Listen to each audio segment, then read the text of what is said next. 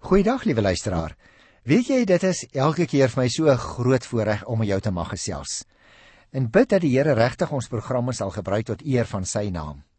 Ek het verlede keer by 2 Konings die 5de hoofstuk gewys hoe dit 'n klein dogtertjie wat 'n slavin was en 'n profeet van die Here instrumenteel in die hand van die Here was. Vandag wil ek nie presies dieselfde uitwys nie, maar ek wil graag wys op 3 maniere waarop die profeet Elisa wonderwerke gedoen het, maar daardie wonderwerke het nooit 'n oplossing gehad wat die lig op die profeet laat val het nie. Dit was elke keer 'n gebeurtenis as dienskneg in die hand van die Here waar die lig uiteindelik op die Here geval het. Met ander woorde, God se betrokkeheid by menslike behoeftes dek 'n baie wye verskeidenheid. Byvoorbeeld, waaroor ons vandag gaan praat, 'n profeet in nood of 'n volk wat in benoudheid kom, maar telkens, liewe luisteraar, kom die eer die Here toe. En dit is die drie aspekte wat ek graag vandag hier uit 2 Konings 6 en 7 vir jou wil uitwys. Kom ek lees die eerste gedeelte. Die opskrif is Elisa laat 'n byl op die water dryf. Die profete het vir Elisa gesê: "Die plek waar ons van u onderrig ontvang, het te klein geword vir ons. Laat ons na die Jordaan toe gaan en 'n balke kap om vir ons by mekaar komplek te bou." Gaan gerus het hy geantwoord. Een het vir hom gevra: "Wil u nie met ons saamgaan nie?" Hy het geantwoord: "Ek sal gaan." En hy het saam met hulle gegaan. Toe hulle by die Jordaan kom, het hulle bome afgekap. Terwyl een besig was om 'n boom af te kap, het sy byl in die water geval. Hy roep toe: "Ag tog, meneer!" En dit was boonop 'n geleende byl. Die man van God het gevra waar die byl ingeval het. Toe die profeet vir hom die plek gewys het, het hy 'n stukkie hout afgekap en dit daar gegooi. En dit het die byl bo laat dryf. Hy sê toe vir hom: "Haal dit uit." Die man het sy hand uitgesteek en dit gevat. Nou baie interessant, die plek naby die Jordaan waar die profete groep onderrig ontvang het, het te klein geword. Dit was eintlik maar net 'n baie eenvoudige konstruksie en dit bestaan uit houtdak wat op palle gerus het waarskynlik. En toe lede van die profete groep nou wil gehout kap om 'n nuwe bymekaar komplek te bou, nooi hulle hulle heer Elisa saam.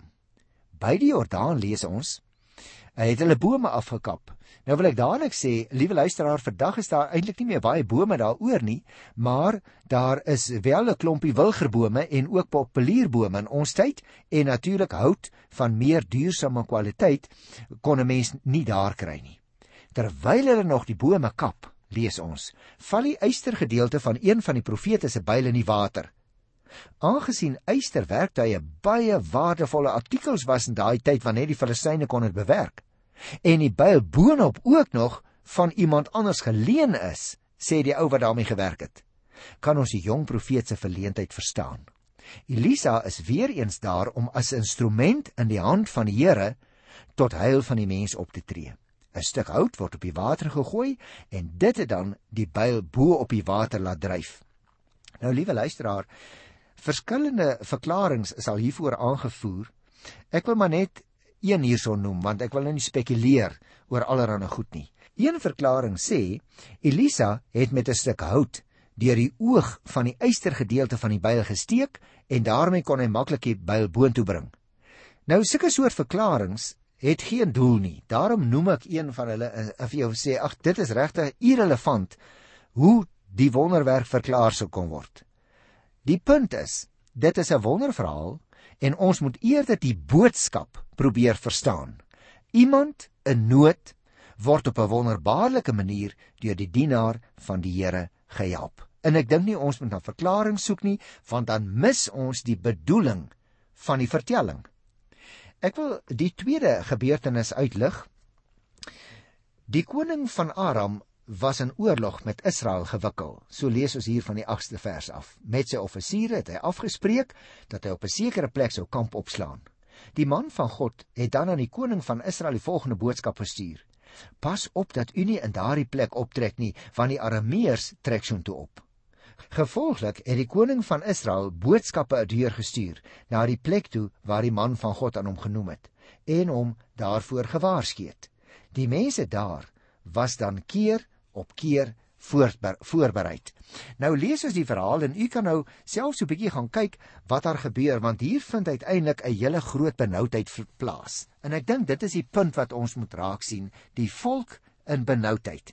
Jy sien die langdurige stryd tussen Israel en Aram raak die profeet. Want wanneer sy mense in nood verkeer, dan kan 'n profeet van die Here mos nou nooit neutraal staan nie. En daarom as jy die hele verhaal gaan lees, dan sal jy sien hoe dat die Arameërs met blindheid geslaan word. Elisa het die koning van Israel elke keer gewaarsku wanneer die Arameërs strooptogte uitgevoer het. En toe hulle dit nou agterkom, het die Arameërs 'n groot mag gestuur om die enkele profeet, naamlik Elisa, te probeer vang.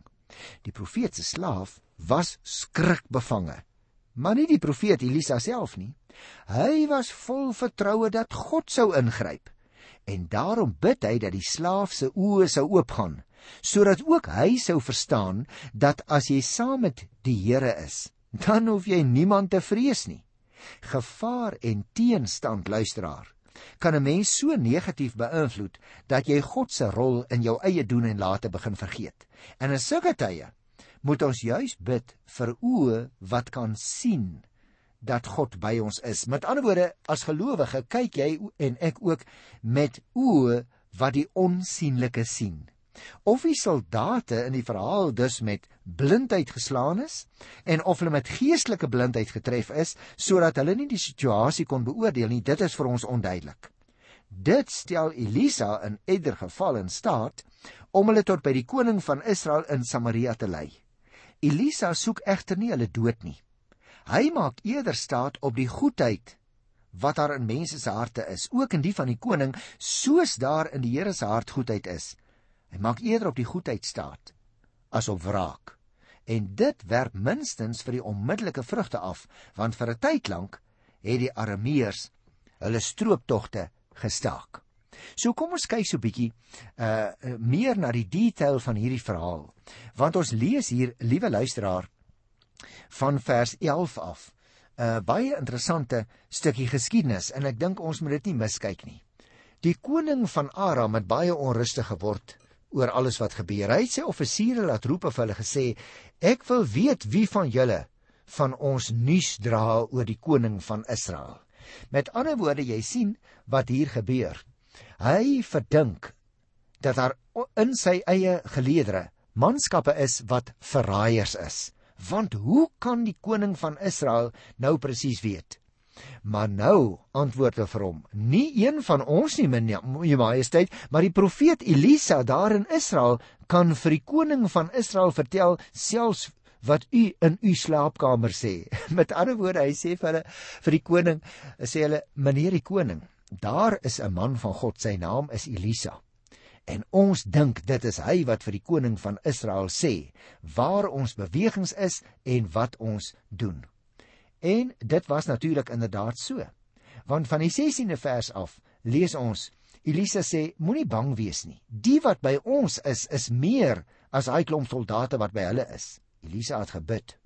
Here, maak tog sy oë oop dat hy kan sien want hierdie dienskneg van uh, Elisa Gehazi, jou sy broek bewe, hy weet nie wat om te doen nie. Die Here het toe die oë van die slaaf oopgemaak en hy het gesien. Die berge rondom Elisa was vol pere en strydwaans van vuur. Toe die Arameërs op hom afstorm met Elia tot die Here gebid, slaan tog hierdie mense met blindheid. Die Here het hulle met blindheid geslaan, net soos Elia gevra het. En toe sê Elisa vir hulle: "Dis nie die regte pad nie. Dis ook nie die regte stad hierdie nie. Kom agter my aan dan lei ek julle tot by die man vir wie julle soek. Hy het hulle na Samaria toe gelei. Toe hulle Samaria kom sê Elisa: "Here, maak nou hierdie mense se oë oop dat hulle kan sien." Toe die Here hulle oë oopmaak en hulle kyk, toe is hulle binne in Samaria.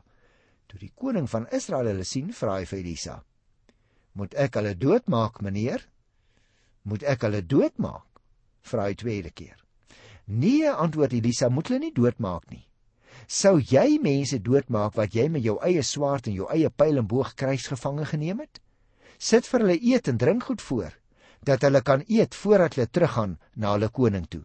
Die koning van Israel het vir hulle groot feesmaal gegee. Nadat hulle geëet het, het hy hulle laat gaan terug na hulle koning toe.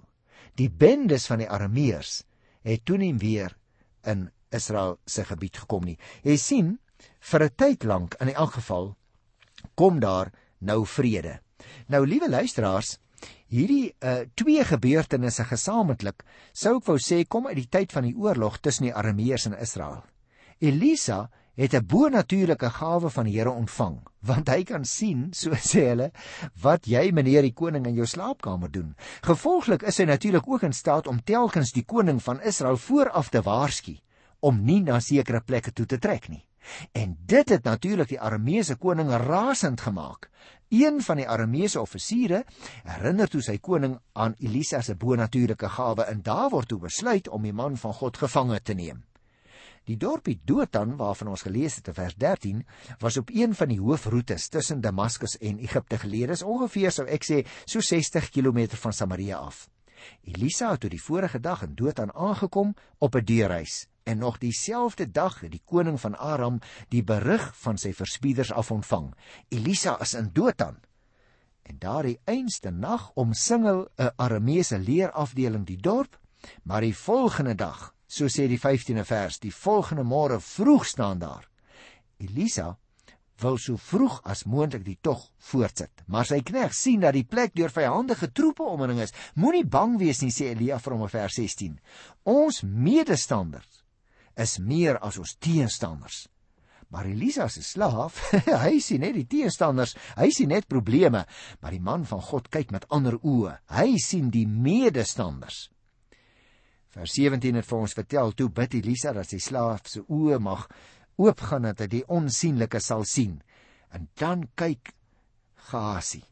Pere en strydwaans op die berge rondom Dothan. Jy sien luisteraar sterflike mense sien eers die onsigbare as die Here self hulle oë daarvoor oopmaak. En dit het al een keer tevore met Elisa ook gebeur toe hy die vertrek van Elisa na die hemel kon aanskou en nou is dit sy slaaf se beurt om die onsigbare te sien. Die 18de vers het vir ons gesê dat die twee manne in die vallei afdaal in die rigting van die vyande. Toe storm die Arameërs dadelik met geweld op hulle af, maar skielik nog 'n wonderwerk, die Here tref hulle met blindheid sodat hulle glad nie kan sien nie. En dan van vers 19 af lei Elisa die klomp blinde Arameese leermag die 60 km na Samaria toe en binne in die stad gaan hulle oë eers oop. Hulle skrik, hulle besef nou waar hulle is. Die koning van Israel wil hulle ook dadelik laat doodmaak. Maar Elisa keer. Hy vra drie dinge: Spaar tog hulle lewens. Geet vir hulle kos om te eet. Laat hulle vry uitgaan. En as ek na hierdie dinge kyk, liewe luisteraar, dan vra ek myself af: Die Here se almag het mos nie minder geword nie, nie waar nie. En die Here werk nou nog, hoe kan ek dit uitdruk? Middelik. Hy werk soms deur middele, hy werk soms deur mense, hy merk soms deur medisyne om jou en my voordeel ook te soek, maar uiteindelik kom al die eer die Here toe. En daarom moet ons dit nooit uit die oog verloor nie. Ek wil in hierdie stuk van die program wat oorbly baie graag vir julle wys op 'n ander aspek wat hier in die 7de hoofstuk na vore kom. Want as jy in die Bybel kyk, liewe luisteraar, sal jy sien dit gaan hier van die 24ste vers af van 2 Konings 6 oor hongersnood in Samaria. Maar dit gaan terselfdertyd oor die Arameërs. Want jy sien, die strooptogte verander nou weer op 'n stadium in 'n volskaalse oorlog en die goedhartigheid van Israel word met 'n beleg van die hoofstad Samaria beantwoord. So hierdie klomp mense, die Arameërs, het nie lank hulle strooptogte gestaak nie. En daarom as ons na hierdie verhaal kyk, dan moet ons opmerk die beleg van die Arameërs lei tot 'n groot hongersnood in Samaria, Israel se hoofstad. Natuurlik, dinge wat normaalweg nooit geëet word nie, is toe nou teen ongelooflike hoë pryse verkoop. Dis vir ons onseker of die duiwemis waarvan hier gepraat word letterlik bedoel word en of dit dalk 'n benaming was vir 'n soort van 'n minderwaardige brousel wat toe nou teen hoë prys van die hand gesit is. Nietemin, toe die koning agterkom dat sy mense amper al kannibale begin word, was hy hewig ontsteld. Hy het God vir die toestand geblameer. En nou besluit hy om die Here se profeet by te kom Maar Elisa, natuurlik het hy dit geweet en nou tref hy voorsorgmaatreëls. Die nood het mense hulle mees basiese menslikheid laat verloor, maar die koning sy basiese godsbegrip laat verloor. Dis wanneer mense nood is luisteraars dat die kwaliteit van jou geloof eintlik eers regtig na vore kom. Tye van nood is geen geleentheid om sondebokke te soek nie hoor, maar dis 'n tyd vir verootmoediging en vertroue op die Here. Daarom as jy nou kyk by die 7de hoofstuk, dan wil ek eers vir jou daarvan 'n oorsig gee. En dan kan ons uh miskien daarby ophou vir vandag want jy sien die profeet se aankondiging van spot goedkoop kos op die volgende dag klink eintlik heeltemal onmoontlik. Waar sou dit vandaan kom? Die stad is dan omsingel, die landerye is verwoes. Dis wanneer 'n mens in terme van jou omstandighede dink, luisteraars. Nie meer hoop het op God nie. Jy kyk na jou omstandighede. Jy maak dit jou wegspringbasis in plaas daarvan om in terme van die moontlikhede wat die Here bied, die uitkoms gee, eh, om in terme daarvan te dink. As jy ongeloof in jou hart laat woon, dan kan jy ook nie meer positief dink nie. Jy sien liewe luisteraar, God se manier om te help is dikwels heeltemal anders as wat jy en ek verwag. En soos ons ook so dikwels, so maak die Here gebruik van nederige en selfs melaatse mense om uitkoms aan te kondig. Daarteenoor is die hooggeplaastes in hierdie situasie ongelowig, kyk maar na die adjutant, of skepties, soos die koning. Ongeloof, soos in die geval van die adjutant, kan 'n mens egter van God se gawes beroof. En daarom wil ek graag vir jou wys op net so 'n aspek of 2 hier van die 10de vers af in 2 Konings 10. Ek het nou vir jou die storie vertel. Hulle sê vers 10 het by 'n stad aangekom en in die wagte geroep of hulle vertel, toe ons by die kamp van die Arameërs gekom het, was daar niemand te sien en te hoor nie. Daar was daar was net vasgemaakte perde en donkies. Die tente is ook net so gelos. Die wagte het die nuus oorgedra totdat dit binne die paleis bekend geword het. Die koning het in die nag opgestaan en vir sy amptenare gesê: "Ek sal vir julle vertel wat die Arameërs aan ons wil doen. Hulle weet ons is uitgehonger, want hulle beleer ons stad." Hulle het uit die kamp uitgegaan en in die veld gaan wegkruip in die gedagte as die Israeliete uit die stad uitgaan, vang hulle ons lewendig en so kom ons self in die stad in. Een van die amptenare het hierop geantwoord: Laat van ons mense 5 van die pere vat wat nog oor is, dan stuur ons hulle met die pere en hulle gaan kyk wat gebeur. Hulle sal dit of oorleef soos die menigte Israeliete wat nog in die stad is, of hulle sal omkom soos die menigte Israeliete wat hier aan hulle eindig kom. So jy sien, hierdie ou is verskriklik negatief. Hy het nie meer hoop nie. Die 16de vers vertel vir ons: Toe die volk uit die stad uitgegaan en die kamp van die Arameërs geplunder. 5 km meel en 9 kg gars het net 11 gram silwer gekos, soos die Here gesê het. Die koning het die adjutant wat sy vertroueling was in bevel van die poort geplaas, maar hy is deur die volk in die poort doodgetrap. Jy sien hierdie ou wat nie hoop gehad het nie, wat gesê het ons sal nooit uit hierdie situasie kom nie. Hy word nou deur sy eie mense doodgetrap. Maar dan sê vers 18: Dit het gebeur net soos die man van God vir die koning gesê het. 9 kg gars of 5 kg meel sal môre hierdie tyd net 11 gram kos. Met ander woorde, dit is nie moontlik het die mense vir hulle geself gesê dat kos môre so goedkoop kan kos nie. Maar nou dat die Here die uitkoms gee, nou ontdek hulle wat die profeet gesê het is presies waar. Die kos kos nou baie minder want die Here het uitkoms gegee. Luister nou na vers 19. Toe het die adjutant mos die man van God geantwoord: Dit is onmoontlik, selfs al maak die Here vensters in die hemel oop dat dit nou sou reën. En Elisa het geantwoord: Toe maar Jy sal dit met jou oë sien, maar jy self sal nie daarvan eet nie. Dit is presies wat met die adjutant gebeur het. Die volk het hom in die poort vertrap. Jy sien liewe luisteraar, dis vreemde verhale hierdie. Maar dit is verhale wat vir ons een ding wil leer, selfs in die grootste noodsituasie, dan gee die Here nog steeds uitkoms.